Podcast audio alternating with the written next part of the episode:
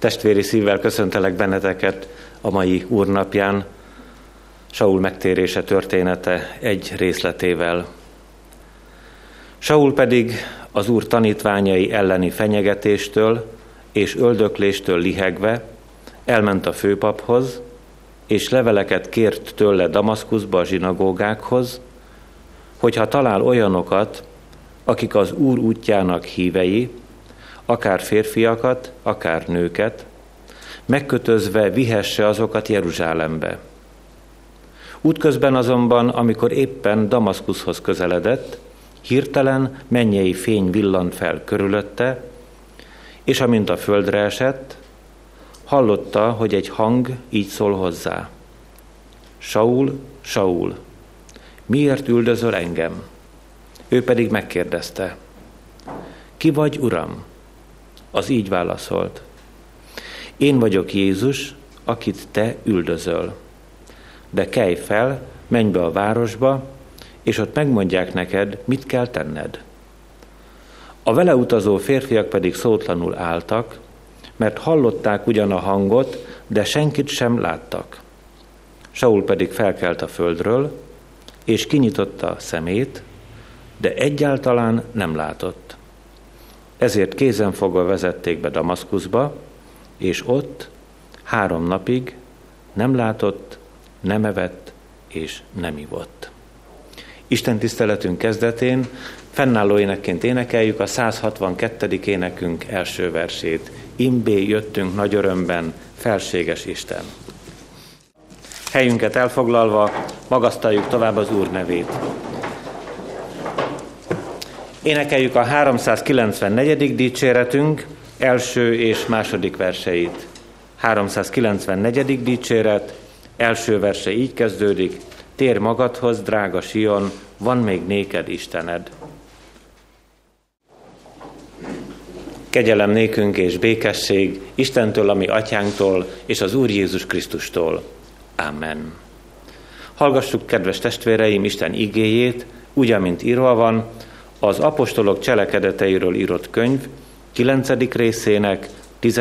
és következő verseiben. Folytatjuk a bevezetőben felolvasott ige szakaszt. Volt Damaszkuszban egy tanítvány, név szerint Anániás. Az úr megszólította őt látomásban, Anániás. Ő így válaszolt. Íme itt vagyok, uram. Az úr pedig így szólt hozzá. Kelj fel, menj el abba az utcába, amelyet egyenes utcának hívnak, és keresd meg Júdás házában Sault, akit Tárzuszinak neveznek, mert íme imádkozik, és látomásban látja, hogy egy Anániás nevű férfi jön be hozzá, és ráteszi a kezét, hogy lásson. Anániás így válaszolt. Uram, sokaktól hallottam erről a férfiról. Mennyi rosszat tett a te szentjeid ellen Jeruzsálemben, és ide is meghatalmazást kapott a főpapoktól, hogy elfogja mindazokat, akik segítségül hívják a te nevedet. Ezt mondta neki az Úr. Menj el, mert választott eszközöm ő, hogy elvigye a nevemet a pogányok, a királyok és Izrael fiai elé. Én pedig meg fogom mutatni neki, mennyit kell szenvednie az én nevemért.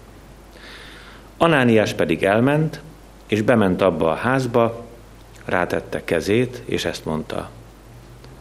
Atyám fia, Saul, az Úr küldött engem, az a Jézus, aki megjelent neked az úton, amelyen jöttél, és azért küldött, hogy újra láss, és megtelj szent lélekkel. És egyszerre, mintha pikkelyek estek volna le a szeméről, újra látott, azután felkelt, és megkeresztelkedett, majd miután evett, erőre kapott.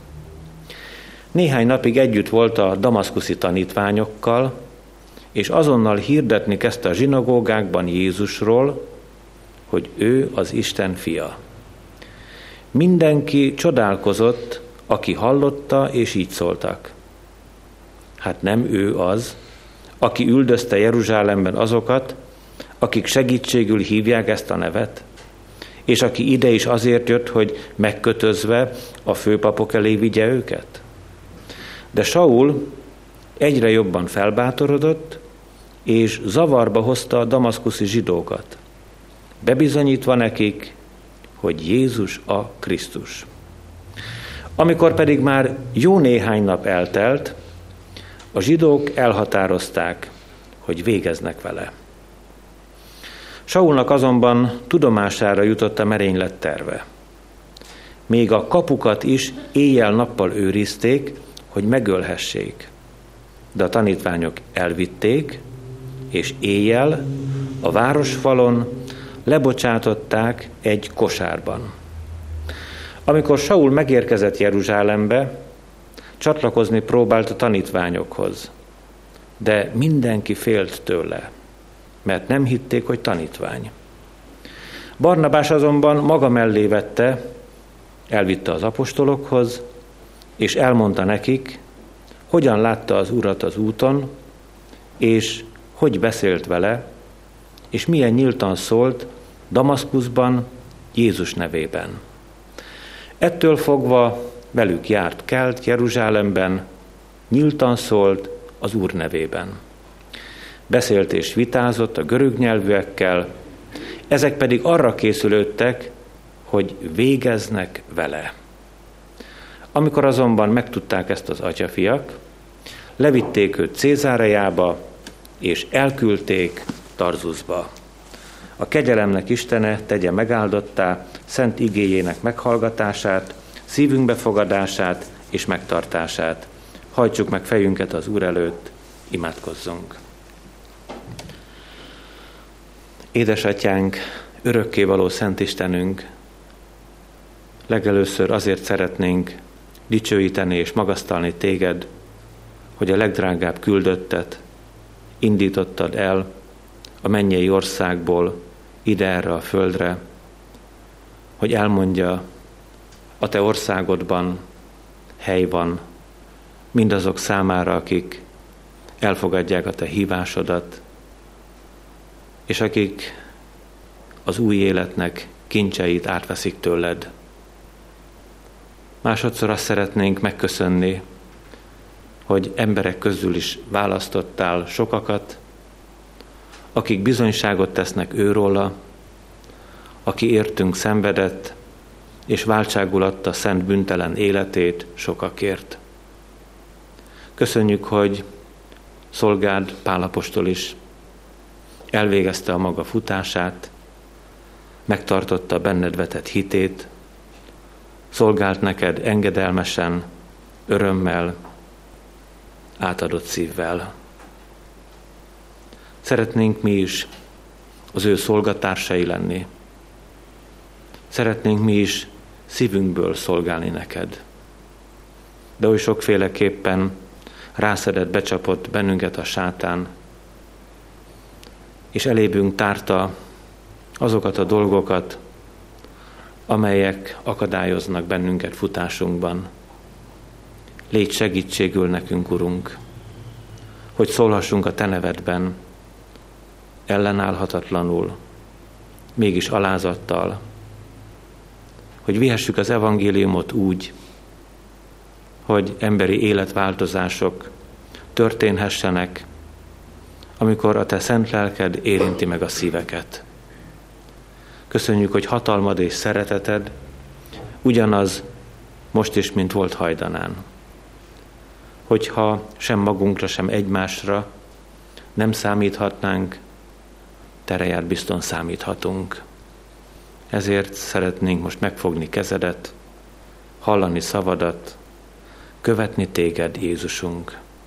Légy itt közöttünk, szólj, hogy hallja a te szolgád, s hallja a te néped, mindazt, amit el akarsz mondani, ezekben a percekben mindannyiunknak.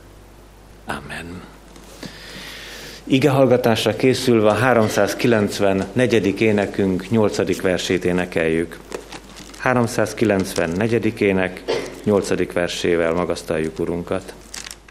Amelynek alapján bizonyságot szeretnék tenni előtetek, írva van az apostolok cselekedeteiről írott könyv 9. részének harmadik versében eképpen.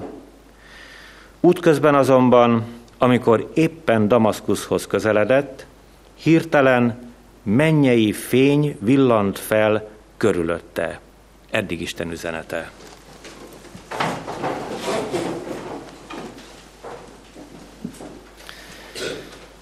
Szeretett gyülekezet, kedves testvéreim! A mai napon a mennyei fényről szeretnék bizonyságot tenni közöttetek, és előttünk van Pálapostól megtérésének a története, a kezdeti pillanattól egészen végig. Annyira gazdag ez az ige szakasz, hogy akár egy 7-8 napos evangelizációs sorozatot is lehetne tartani, miszerint foglalkozhatnánk Pálapostól óemberével, a Saulussal, beszélhetnénk az ő nagy fordulatáról, ami ott a Damaszkuszi úton történt ő vele, aztán az Úr másik eszközéről, Anániásról, aki először félt, de utána boldogan vitte az evangéliumot az egyenes utcába, Judás házába, ahol Saul imádkozott. Szólhatnánk Pálapostolnak a damaszkuszi szolgálatáról, ahol egy rövid időszak után már rögtön meg akarják ölni Isten szolgáját, és hát átgondolhatnánk azt is, hogy amikor Jeruzsálembe ment,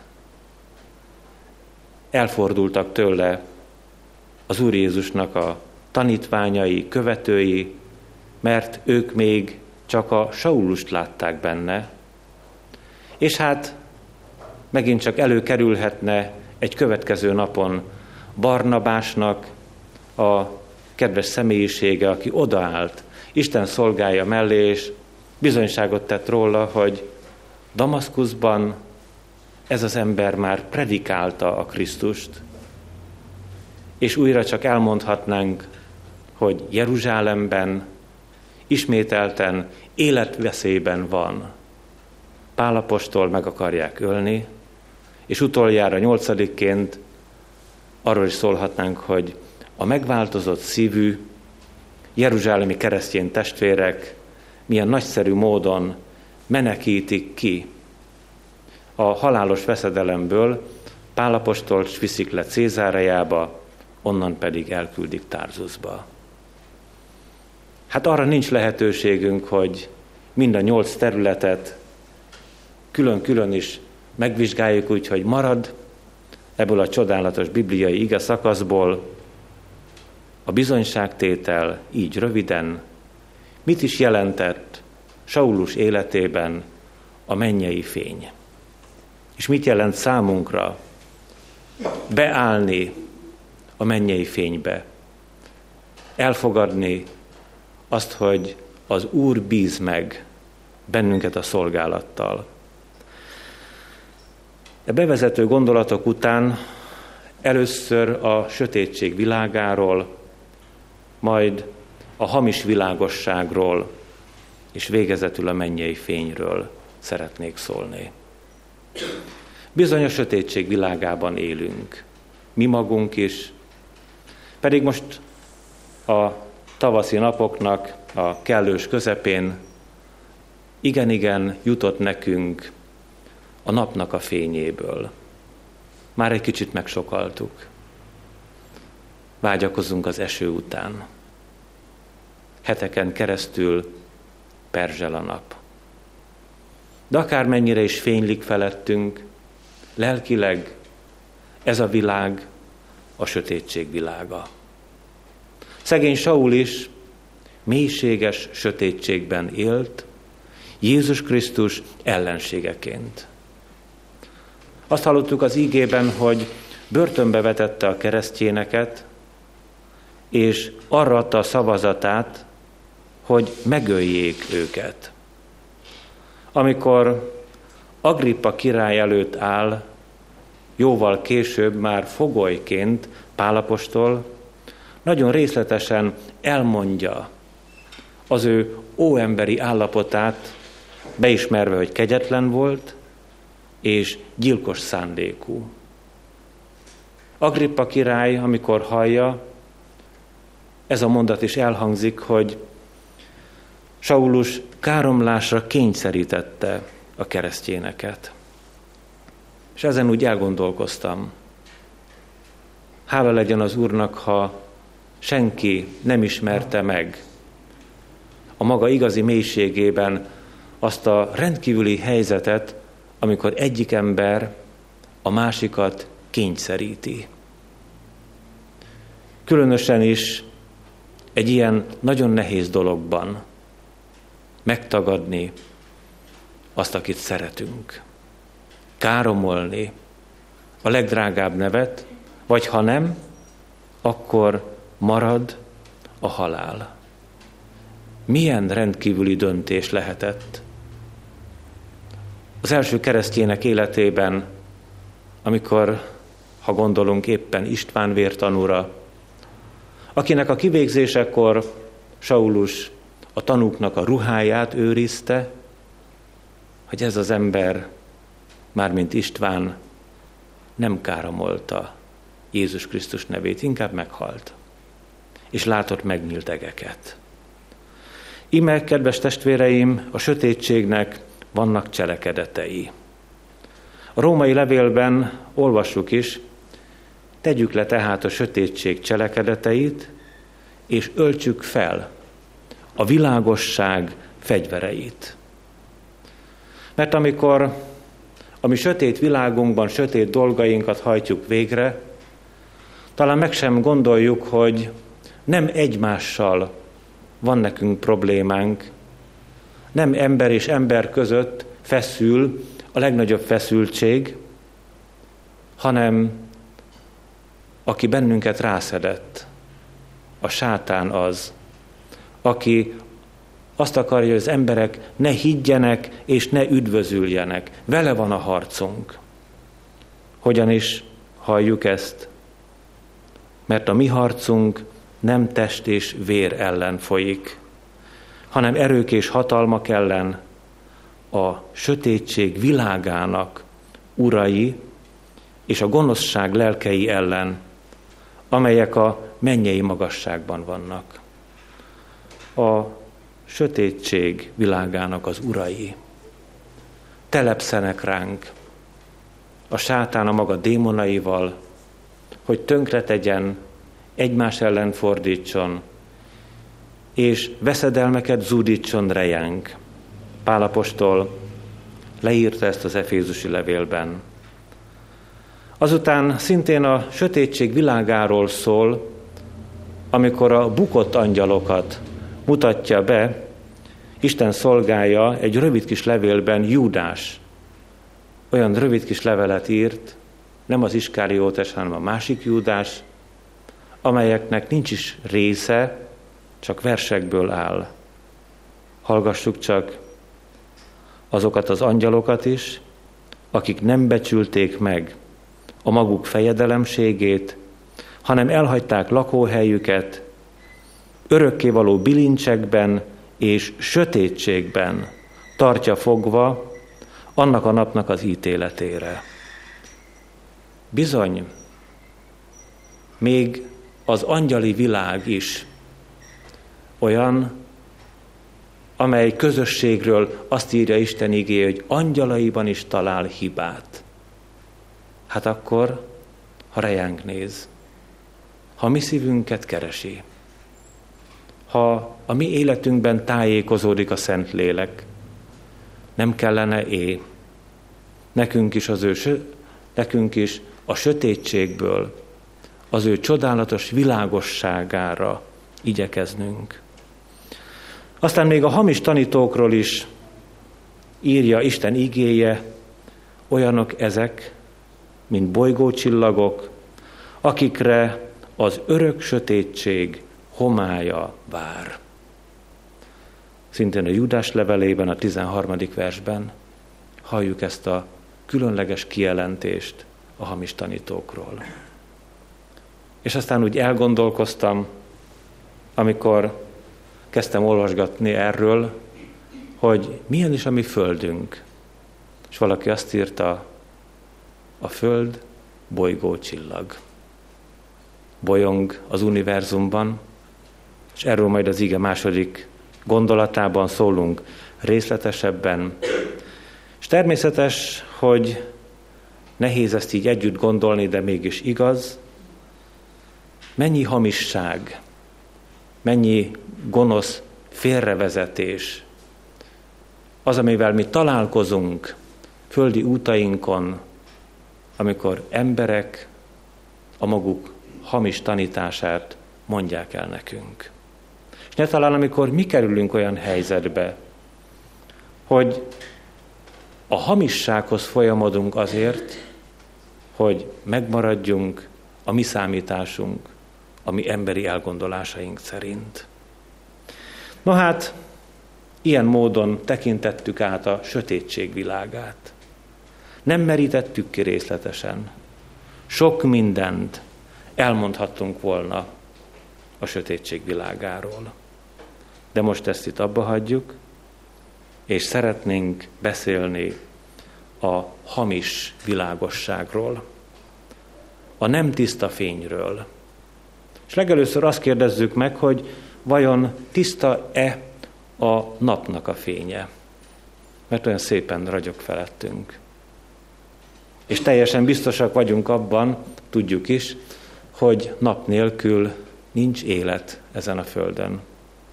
De most már azt is tudjuk, hogy ez a nap, ami fölöttünk ragyog, ártalmas is lehet. Óva intenek bennünket, június, július, augusztus hónapokban arra, hogy dél körül 12 óra tájt, délután kettőig, háromig ne menjünk a napra, mert betegek leszünk. Vajon tévedett volna a mindenható? Amikor megalkotta a napot, a holdat és a csillagokat, és a negyedik napon azt mondta ezekről, ez mind jó. Nem tévedett. Mert még a bűneset előtt hangzott el a mindenható ajkáról ez a drága ige. És elképesztő, félelmetes, szinte belegondolni és borzalom, hogy a bűneset után az ember nem csak önmagát tette tönkre, hanem a természetet is, azt a világot, amelyikben élhetett, az univerzumot is, azt a napot, amelyiktől az élete is függ, a nap szennyezetté vált. És bizony még ehhez szeretnénk hozzátenni azt is, hogy akármennyire is próbálnánk másképp megoldani, jobb megoldást készíteni, ami földünk kapcsolatban van a nappal. Néhány ilyen adatot szeretnék gyorsan elmondani, hogy esetlegesen alázatban is tartson bennünket Isten igényének a magyarázata, hallgassuk csak ezeket az adatokat. A Föld 100 ezer kilométer per óra sebességgel kering a nap körül. Száguld, száguld a mi földünk, és ebből mi nem érzünk semmit. Megismétlem, 100 ezer kilométer per óra sebességgel. A legkiválóbb autók is olyan 200-220 kilométer per óra sebességgel küzdenek itt ezen a földön. És közben a föld a saját tengelye körül is forog. És amíg mi eltöltjük ezt az Isten tiszteletet, megteszünk az univerzumban 1140 kilométert egyetlen óra alatt, mert ennyit fordul meg óránként a Föld a saját tengelye körül. Nem érzünk semmi rosszat ebben. Nem kellemetlen. És így jó nekünk. És még egy adat, a fény sebessége, a mennyei fényről beszélünk majd az utolsó gondolatban. 300 ezer kilométer másodpercenként, nem óránként, nem percenként, 300 ezer kilométer másodpercenként. Ha van nekünk őszinte és alázatos hitünk, hogy egy csodák mögött ott van a mindenható Isten, akkor ne okoskodjunk, ne bölcselkedjünk, ne tartsuk magunkat híreseknek, nagy tudósoknak, kiváló koponyáknak, mert ugyan kiemelte a teremtés során az embert a mindenható Isten, de önmagához képest mi porszemek vagyunk, porból lettünk, és porrá leszünk. És itt megkérdeznénk még azt, hogy ami a hamis világosságot illeti, ami napunk, amelyik fölöttünk ragyog, egyszer elfogyé. Nagyon érdekes dolog, hogy a Szentírás üzenete egybevág a tudósok gondolatával. A tudósok azt mondják, hogy egyszer a nap elfogy. De hát ez rendkívül hosszú idő. Meg se lehet mondani ennek az időpontját. Annyit valakinek sikerült megmérni, hogy naponta a fölöttünk levő napból annyi fogy el, mint a magas tátra 60-szor. Aztán azt is kiszámolta egy másik tudós, hogy tíz nap alatt a napból annyi fogy el, mint ezen a földön az Alpok hegyvonulatának az egész tömege. És a nap tömegéhez képest mindez majdnem semmi. És mégis fogy. De aztán nézzük az ígét. Egy jelenések könyvében azzal találkozunk, hogy a negyedik trombita szó során csapás érte a nap egyharmadát. Hogyha az előbbi adatokat figyelembe vesszük, a magas tátra 60-szorosát, az Alpok hegyvonulatának óriási területét, akkor ez már félelmetes. Ha a napnak az egyharmadát csapás éri. És amikor az alvilág kulcsa megfordult, az ötödik trombita szóra, így halljuk a jelenések könyvében, elsötétült a nap a feljövő füsttől. Hát vajon tiszta a napnak a fénye? Most már látjuk, hogy nem. És kérdezzük meg még az íge második gondolatában, hogy ennek a Saulusnak, akiről olyan sok mindent olvasunk csak itt, a Cselekedetek könyve 9. részében, tiszta a tudása? És a válaszunk egyértelmű, hogy nem. Nem tiszta. És hogyha különösen a fiatalok közül lesznek itt híres tudósok, magasan művelt emberek, férfiak és nők. Vegyék figyelembe, hogy akármilyen képzettek is, nem lesz tiszta a tudásuk. Ha Saulusnak az ifjú korát nézzük, Izrael népe élvonalába került. Farizeusként a legelső emberek között tartották számon. Arról beszéltek, hogy ilyen kiváló képességű, ilyen nagyszerű tehetségű fiatalember alig-alig születik erre a földre. És most megállapítjuk, hogy nem tiszta a tudása.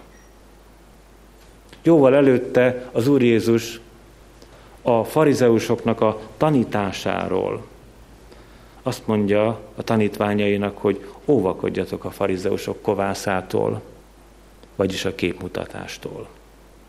Máté evangéliumában ugyanezt így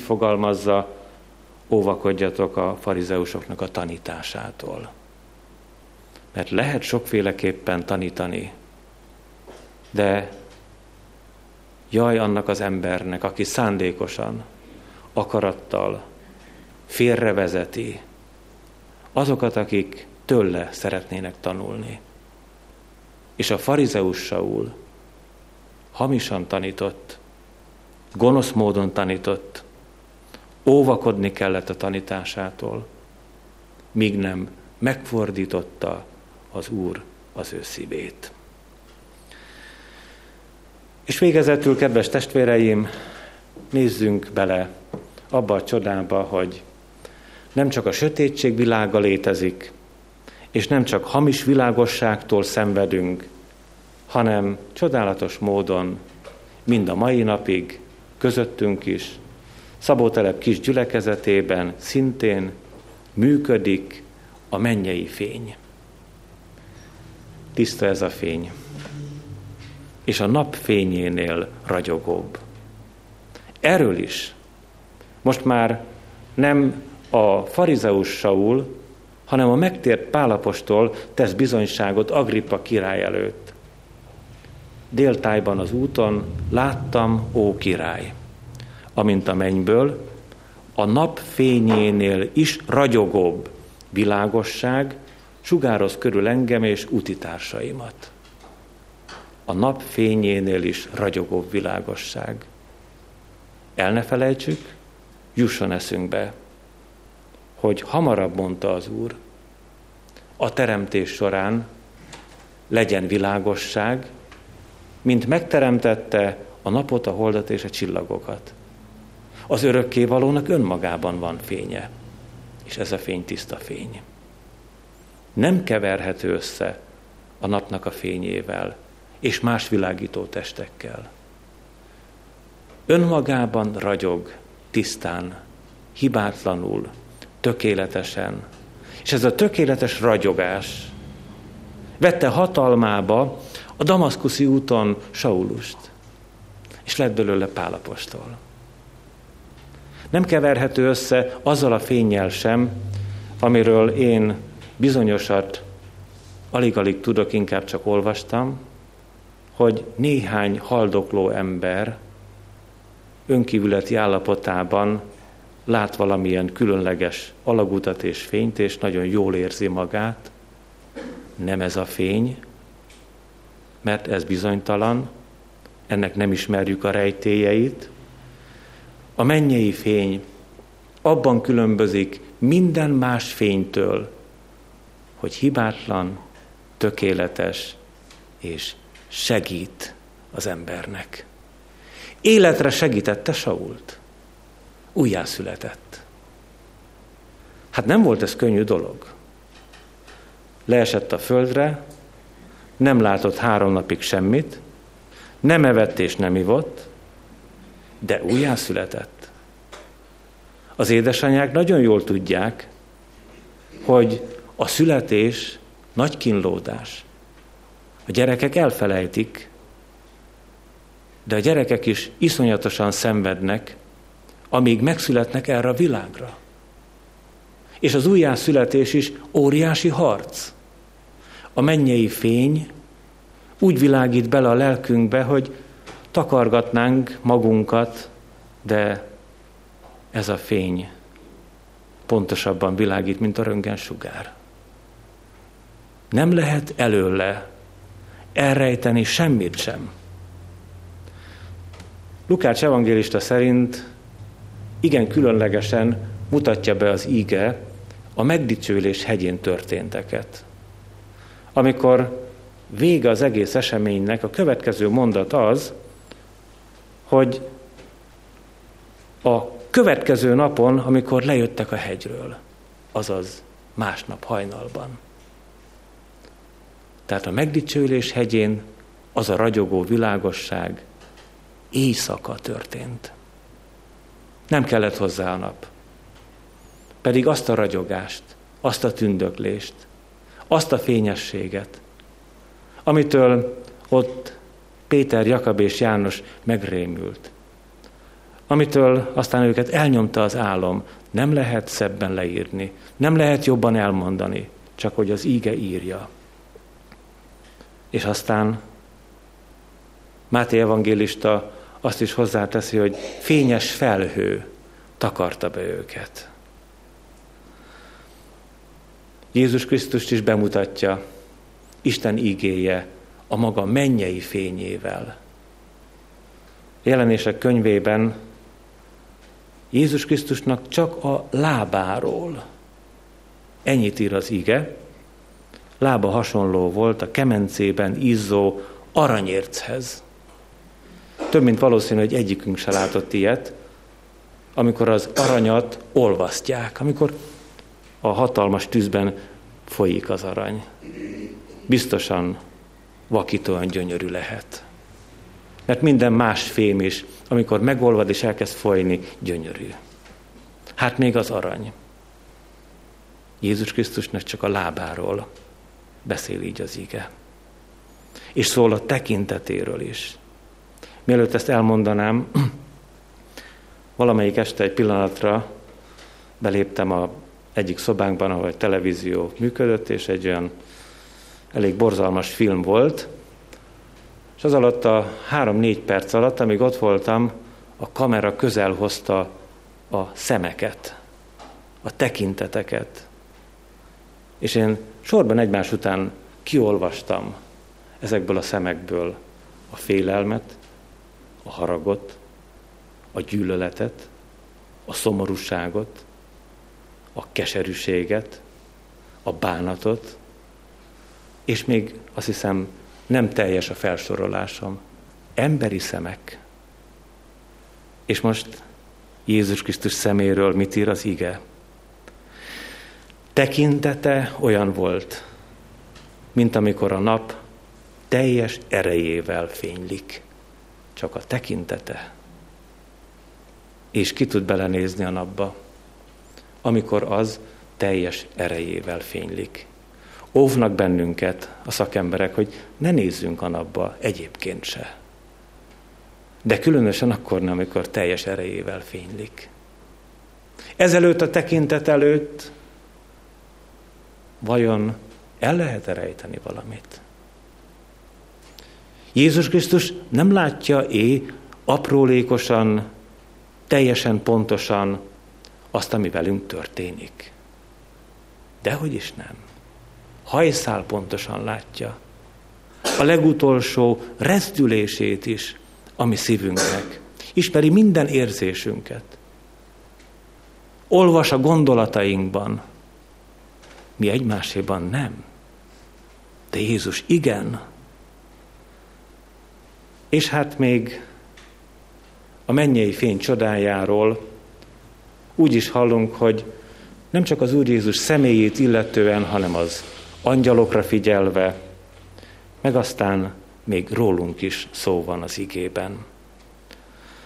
Az angyalokról ezt halljuk, Jézus Krisztus feltámadásakor az angyalok fénylő ruhában voltak. Mennyei fény ragyogta be a ruhájukat. Hirdette a ruha is, az angyalok ruhája az élet diadalát, a menny győzelmét, hogy most már nem a halálé az utolsó szó, hogy Jézus Krisztus elhozta az örökkévaló életet. Kell-e több és nagyobb? Aztán rólunk,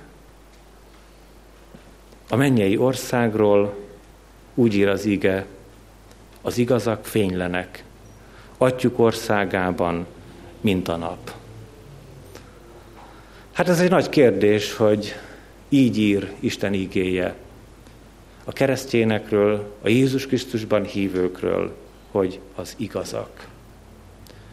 És emberi számítgatás, elgondolás szerint mi nem vagyunk igazak. Több mint valószínű egyikünk sem. De az Atya Jézusért, az ő sok szenvedéséért, vére hullásáért, nagy kereszt áldozatáért. Úgy néz azokra, akik Jézus Krisztussal mennek az Atya színe elé, mint igazakra. Micsoda kiváltság Jézusért, aki igazként meghalt a nem igazakért. Hogy nekünk üdvösségünk legyen. És mégis, kedves testvéreim, az Atya országában az igazak csak úgy fénylenek, mint a nap. Nem jobban, de a mennyei fény más, több. Hogy hallottuk a cselekedetek könyvében, a mennyből a nap fényénél is ragyogó világosság sugározta körül Sault. Lesz különbség a mennyben. Az Atya fénye, a Szent Háromság Isten fénye és az igazak fénye között. Annyit elérünk, hogy úgy fénylünk majd, mint a nap. Elég lesz. Elég lesz a boldogsághoz. Elég lesz az örökös örömhöz. Nem fogjuk irigyelni az atyának azt a hibátlan, nagyszerű, a nap erejét is meghaladó fényét. Mert itt mi a sötétség birodalmában botladozunk. Hordjuk keresztünket. Vívjuk cívódásainkat, de boldogok lehetünk, ha hiszünk Isten egyszülött fiának nevében, aki üdvösséget készített, mennyei életet nyújtott, és a mennyei fényt. Úgy tette félre számunkra, hogy az igazak atyuk országában úgy fénylenek, mint a nap. Amen. Válaszoljunk az íge üzenetére, énekelve a 395. dicséretünk első versét. 395. dicséret, első verse így kezdődik, Isten szívén megpihenve, forjon szívünk egybe hát. Imádkozzunk! Drága Istenünk, örökkévaló édesatyánk, dicsőítünk és magasztalunk téged, hogy nem mondtál le rólunk, még Noé napjaiban sem teljesen. Amikor Sodomát és Gomorát látogattad a sötétség világából, és kiemelted a te szolgálat Lótot és családját. És annyiszor, ami történelmünk folyamán odajöttél mi hozzánk, a porból is felemeltél bennünket. Nem csak a világ népeit, hanem a mi nemzetünket is ezernyi veszedelemben, nyomorúságban, félelmek és bajok között megtartottad és megengedted, hogy most magyarul imádjunk, dicsőítsünk és magasztaljunk téged. Köszönjük, hogy üdvösséget, mennyei országot készítettél mindazoknak, akik benned hisznek. Bármilyen az arcbőrük, és bármilyen nyelven szólalnak meg, te zörgettél szívüknek ajtaján, s ha ajtót nyitottak, veled mehetnek, hogy meglát, megláthassák mennyei dicsőségedet. Köszönjük, hogy abból a fényből, amit a mi szemeink el nem hordozhatnak, de majd ott, a te csodálatos országodban, mégiscsak abban lehetünk, biztosítottál már itt ezen a földön is. Sault is körülvetted, lefegyverezted őt, új szívet és új életet adtál neki. És tudjuk, hogy te szeretetedben erős vagy nagyon. És ma is akiknek szüksége van arra, hogy veled induljanak el, te megteheted ezt a csodát. Hogy ne üresen, ne szomorúan, ne csak a maguk erejére hagyatkozva menjenek tovább, hanem most már veled. És a te szolgálatodban, a te dicsőségedre, és a te örömödre élve.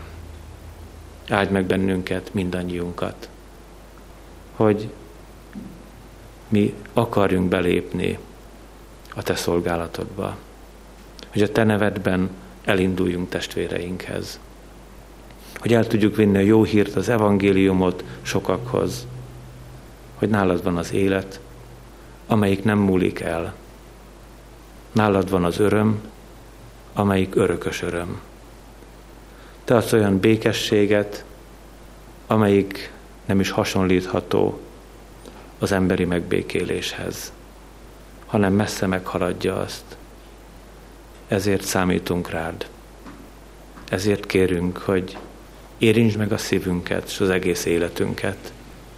És különösen azokat a testvéreket keresd meg, akik nagy fájdalomból, betegségből, elkeseredett állapotból, reménytelen helyzetből járulnak oda a te színed elé.